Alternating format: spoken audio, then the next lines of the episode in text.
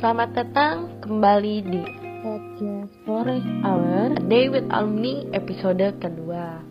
Kali ini kita kedatangan bintang tamu yaitu Katifali Azani yang merupakan mahasiswa Rekayasa Kehutanan angkatan 2012. Nah, Katifali Azani ini setelah lulus dari Rekayasa Kehutanan pada tahun 2016, melanjutkan pendidikannya di Biomanajemen ITB tahun 2017 hingga tahun 2020, serta mengambil double degree di Kyoto University bidang Forestry and Biomaterial Science pada tahun 2018 hingga sekarang.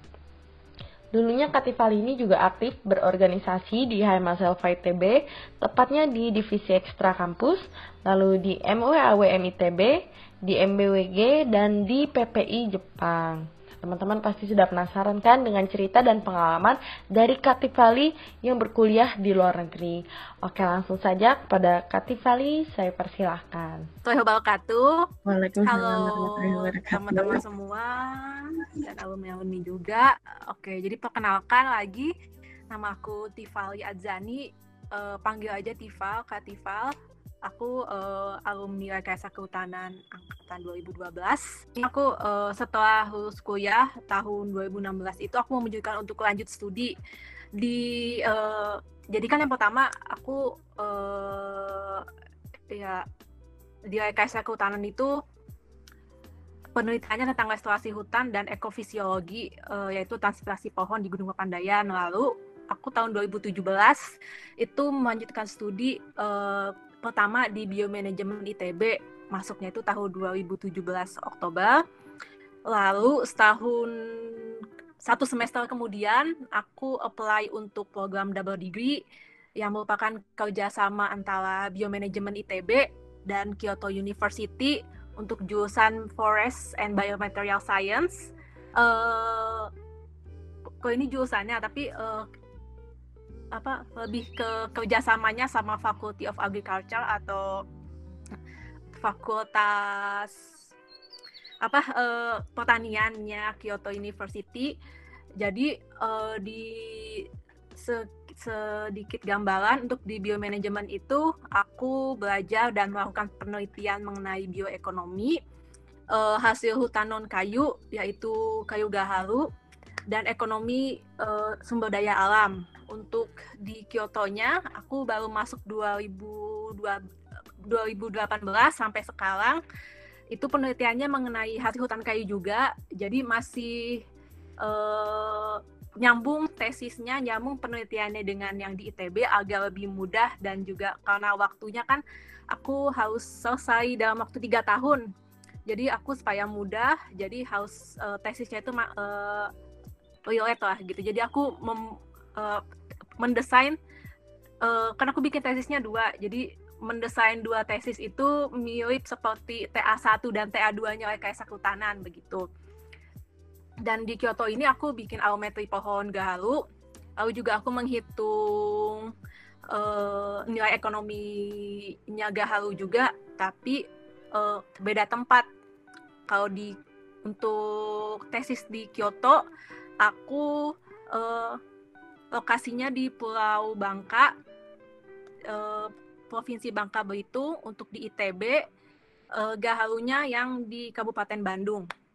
Jadi kenapa aku memutuskan untuk kuliah lagi? Jadi memang aku eh, ada keinginan untuk mempelajari lebih jauh mengenai kehutanan. Jadi aku uh, tahun 2015 tuh 2016 tuh masih dan setelah lulus tuh aku merasa masih kurang banget ilmu kehutanan aku karena aku juga sebelum sebelumnya sibuk organisasi. Jadi aku butuh wah apa nih? Sepertinya kalau kerja aku uh, belum siap begitu. Jadi aku mau belajar lagi. Sekalian ambil uh, setelah itu juga ada kesempatan yaitu ada dukungan keluarga dan alhamdulillah secara finansial keluarga masih bisa uh, ngasih dukungan gitu. Secara finansial lalu juga aku untuk uh, kenapa kuliah laginya itu karena ada kesempatan ikut program double degree juga jadi jauh sebelum aku memutuskan itu aku udah belajar belajar dulu dan aku apply uh, apa sudah cawi-cawi begitu lulus dalam waktu setahun aku kan baru uh, ada jeda setahun, nah setahun itu cawi-cawi mau di luar negeri atau di Indonesia. Nah untuk di Indonesia tuh aku yang deket-deket aja pinginnya di ITB lagi atau di IPB di Bogor. Nah uh, dari sana tuh aku juga cari tahu nih ada program apa aja nih kerjasama uh, uh, apa kerjasama Indonesia dan dan yang internasionalnya gitu. Jadi kalau di IPB ada, di di ITB ada gitu. Kalau di ITB itu di biomanajemen untuk yang ke Kyoto, di IPB juga ada, tapi jurusannya beda.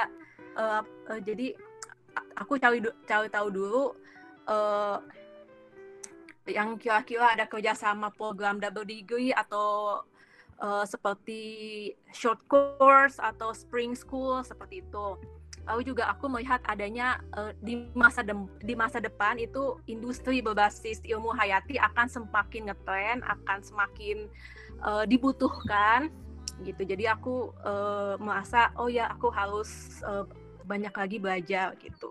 Kan tempat belajar banyak gitu. Mau di tempat kerja juga kan kalau kita kerja juga pasti banyak pelatihan-pelatihan gitu atau di kuliah atau ikut uh, uh, apa? ikut webinar dan lain-lain. Lalu aku juga ingin belajar di institusi institusi internasional uh, dan juga belajar untuk merasakan hidup di negara dengan budaya yang berbeda. Itu adalah beberapa alasan aku mengapa aku kuliah lagi. Gitu. Perbandingan antara uh, apa rekayasa kehutanan sama jurusan kehutanannya Kyoto sama biomanajemen. Jadi ya seperti kita semua tahu, nih aku uh, copy aja sih dari website. Jadi kan kalau rekayasa kehutanan itu kan lebih aplikasi gimana uh, apa nanti kita akan mendesain hutan, membuat hutan, membangun hutan dan mengaplikasikan teknologi yang tersedia untuk membangun dan mengelola hutan. Jadi benar-benar merekonstruksi dan membuat hutan gitu berdasarkan ya, apa berdasarkan hasil penelitian yang sudah ada tentang kehutanan. Nah, kalau di kehutanan di Kyoto University itu di Universitas Kyoto itu uh, yang aku dapatkan itu dia lebih banyak membahas hutan di Jepang, pengelolaan hutan di Jepang, sama karena judulnya biomaterials juga biomaterials juga jadi banyak juga mempelajari tentang kayu, serangga, uh, kimia kayu, chemical seperti itu, sama uh, membahas hutan di seluruh dunia. Jadi tidak hanya kalau mungkin di, di ITB uh, eh, apa lebih banyak mempelajari tentang hutan di di Indonesia, tapi kalau di Kyoto ini uh, dia uh, juga mempelajari pengelolaan hutan, uh, pertanian uh, di seluruh dunia itu kenapa? Karena uh, uh, salah satunya ada JICA karena JICA itu kan suatu lembaga yang mengurusi membantu pemerintah Indonesia gitu, membantu negara-negara berkembang dan banyak melakukan penelitian gitu. Jadi lewat uh, lewat lembaga JICA ini Jepang itu membantu Indonesia juga. Jadi dia uh, cabangnya ada di mana-mana. Jadi dia juga mempelajari sistem hutan, sistem segala sistem sistem di negara-negara lain untuk uh, apa untuk bantu dalam pengelolaan negara juga. Oke. Okay. Uh, ini uh, jadi sekilas setelah rekayasa kehutanan apa sih yang bisa kalau ada teman-teman kalau pingin kuliah lagi bisa ke mana aja sih gitu ya. Ini sebenarnya list di sini tuh yang aku dulu tujuan aku pingin ke mana aja gitu ya. Jadi dulu aku tuh uh, aku cerita aja ya. Jadi dulu tuh aku pingin ke Helsinki itu salah lagi ini ya eh, Helsinki di Finlandia. Dia itu kan terkenal Finlandia itu terkenal dengan force manajemennya dia juga um, aku dulu tertarik banget sangat suka sangat pingin banget uh, bekerja dan mempelajari di, di bidang bioteknologi dan bioekonomi. Jadi aku uh, sebelum-sebelumnya sudah email dosennya yang di sana. Namun pada tahun untuk enrollment tahun 2017 kalau nggak salah jurusan yang aku inginkan itu dia nggak buka gitu. Jadi aku oke okay, pas karena untuk menunggu dua tahun kemudian itu menurut aku terlalu lama gitu. Jadi aku juga sempet pingin banget ke Gen University di Belgia. Dia tuh karena aku waktu S1 tuh kan tentang studinya tentang ekofisiologi tentang transpirasi menghitung transpirasi pohon. Nah itu tuh aku banyak banget dapat jurnal dari Gen University tentang ekofisiologi dan aku wah pingin nih maksudnya karena mereka alatnya ada sudah banyak sumber gitu jadi aku pingin banget ke sana gitu pada saat itu. Lalu juga aku sempat daftar di IPB uh, eh, jurusan bioteknologi itu juga keterima uh, di UGM aku nggak masukin tapi pokoknya kalau yang di Indonesia kan yang uh, yang fakultas kehutanan atau ilmu kehutanan yang bagus kan di UGM sama IPB ya yang maksudnya yang yang juga bagus. Jadi teman-teman kalau ada kuliah uh, kalau pingin lanjutin kuliah juga bisa ke IPB UGM di situ juga jurusannya banyak. Uh, lalu juga kalau di ITB teman-teman bisa lanjut ke bioteknologi. Bioteknologinya apa? Misalkan foto jaringan atau juga uh, pemuliaan pohon mungkin bisa. Terus uh, tentang ekstraksi hasil hutan dengan bantuan mikroba itu juga bisa. Lalu juga teman-teman juga bisa lanjut ke biomanajemen atau planologi di SAPPK nah untuk Kyoto sendiri itu uh, juga bisa. Di sini ada aku menuliskan dari kehutanan ini yang masih masih relate dan bisa melakukan penelitian tentang hutan yaitu ada di jurusan Forest and Biomaterial Science and Environmental Science and Technology.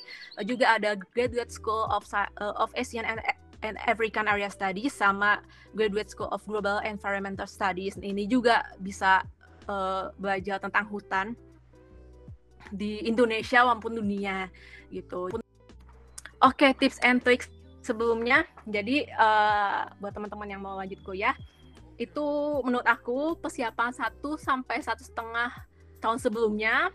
Bisa lanjut misalkan apa uh, kalian uh, apa lulus tahun ini kemudian langsung bulan berikutnya itu uh, berangkat juga bisa. Jadi kira-kira ya satu sampai satu setengah tahun sebelumnya aku sendiri juga agak terlambat. Jadi aku ada kosong satu tahun lalu sudah buat perencanaan seperti tadi aku jelaskan juga memiliki minat. Jadi teman-teman pengen penelitian tentang apa sih? Sukanya apa sih? Jadi benar yang halus benar-benar kita sukai dan ya kita akan teruskan jalur itu gitu. Kita jadi uh, ya supaya enjoy juga kan kita untuk uh, melakukan penelitiannya belajar lagi gitu. Jadi memang benar-benar dari dalam hati itu oh ya aku pingin dan minatnya itu gitu.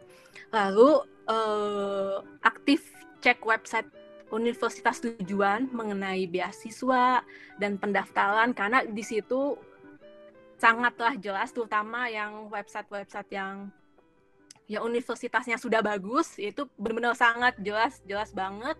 Dan juga menurut uh, follow akun akun PPI di Instagram kan banyak tuh atau di Facebook searching aja misalkan PPI uh, uh, PPI di Australia atau PPI di Jepang gitu PPI Jepang itu mereka juga sering mengadakan diskusi tentang kehidupan di luar Indonesia gitu. Lalu juga ya, tadi persiapkan rencana penelitian dan sumber dana. Dah dah yang sumber dana ini tuh sangat penting tapi kalau kalian uh, yang terutama kalau di dalam negeri kok kuliah di dalam negeri itu kan memang agak susah ya sumber dana dan dan riset-riset itu. Uh, kecuali kalian memang dapat beasiswa atau sudah bekerja sebelumnya jadi uh, apa bisa ada eh, sumber dana dan juga sumber dana untuk kuliah juga untuk penelitian juga sudah ada.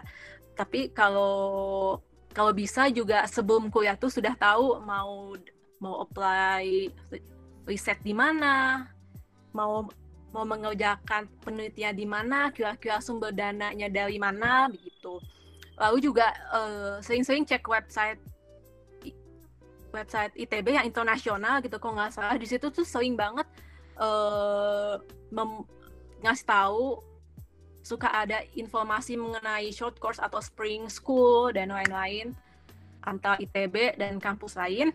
Lalu juga berani tanya dosen di ITB juga, terus cerita misalkan, Bu saya sukanya ini terus pingin kuliah di sini bagus nggak gitu atau juga uh, dan juga make sure untuk tanya dosen di uh, di universitas tujuan dibuka apa enggak jurusan itu menerima mahasiswa internasional apa enggak gitu. Lalu juga untuk belajar bahasa asing ini opsional karena aku uh, kan sempat di Jepang itu satu tahun itu aku sebelumnya nggak tahu bahasa Jepang yang susah-susah banget jadi memang bahasa Jepang dasar.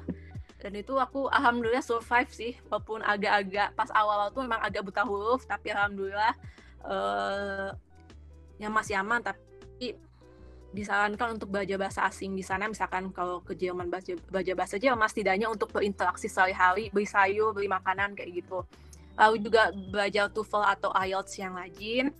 Itu juga selain nanti ada persyaratan persyaratan lulus uh, menyertakan nilai TOEFL juga. Jadi untuk mempersiapkan nanti persyaratan kuliah juga. Terus ini juga penting jangan jadikan alasan biaya sebagai penghalang, penghalang niat untuk mendapatkan ilmu atau kuliah lagi. Karena beasiswa itu ada.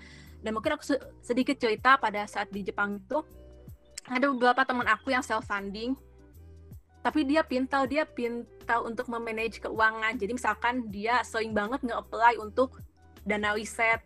Nah dana risetnya itu sebagian dia putar lagi untuk bayar kuliah atau juga dia sering baito atau ambil apa ambil pekerjaan paruh waktu atau part time kan. Nah itu ditabung terus. Jadi pas begitu ada uh, ditabung dan ada apply beasiswa tapi bukan yang full. Misalkan beasiswa uh, diskon biaya kuliah 30% tuh dia apply pokoknya sering aktif dan dan rajin mengumpulkan uang juga tapi tentunya tidak melaku tidak merupakan akademik juga ya gitu. Jadi banyak juga yang bisa survive self funding sendiri tanpa bantuan orang tua tanpa hmm, dan alhamdulillah ya baik-baik saja dan semoga baik-baik saja baik-baik saja juga paling penting lagi banyakin doa dan ibadah itu wajib sih oke saran dan pesan aku yang terakhir adalah sebenarnya ini tuh uh, menurut aku jurusan dan kurikulum